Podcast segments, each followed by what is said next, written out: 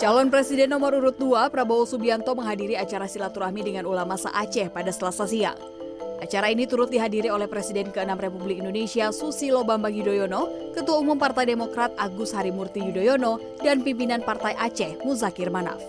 Di kegiatan yang digelar oleh Partai Demokrat ini, Prabowo bersilaturahmi dengan para tokoh dan ulama Aceh sekaligus mengenang 19 tahun tsunami Aceh.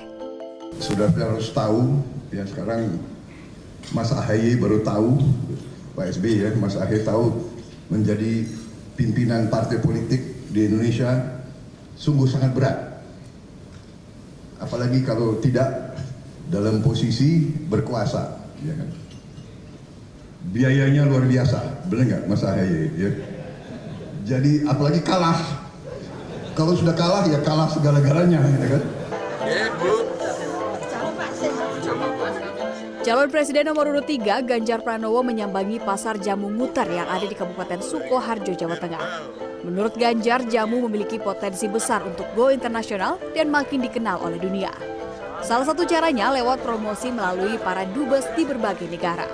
Selain berinteraksi dengan para pedagang, Ganjar juga turut menyicipi jamu di kafe jamu yang ada di Kabupaten Sukoharjo, Jawa Tengah pada Selasa pagi. Biasanya pasar umum lalu ada jamunya, kalau ini memang didominasi oleh jamu. Yang menarik ada kooperasinya, maka petani penanam pampon-ponnya jualan ke sini, pabrikannya jualan ke sini, jadi pedagangnya jadi satu dan membuat kooperasi. Tapi tadi saya mendengarkan ada beberapa persoalan Eh, soal bagaimana mengurus perizinan. PRT-nya gampang, tapi kalau sudah sampai POM dan persyaratannya, mereka butuh difasilitasi. Calon Presiden nomor urut 1 Anies Baswedan berziarah ke sejumlah makam kiai di Rembang, Jawa Tengah pada Senin. Ia berziarah ke makam Kiai Haji Bisri Mustafa, ulama tersohor di Rembang, yang juga kakek Yahya Holil Stakuf, Ketua Umum PBNU dan Yakut Holil Komas, Menteri Agama.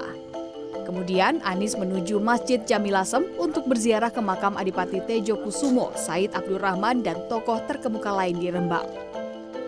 Pengaruh bahkan bisa dibilang sebagai sumbu, salah satu sumbu siar Islam di Pulau Jawa.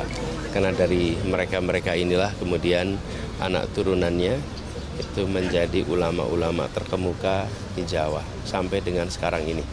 Jadi tadi kami ziarah ke Said Abdurrahman atau Mbah Sambu.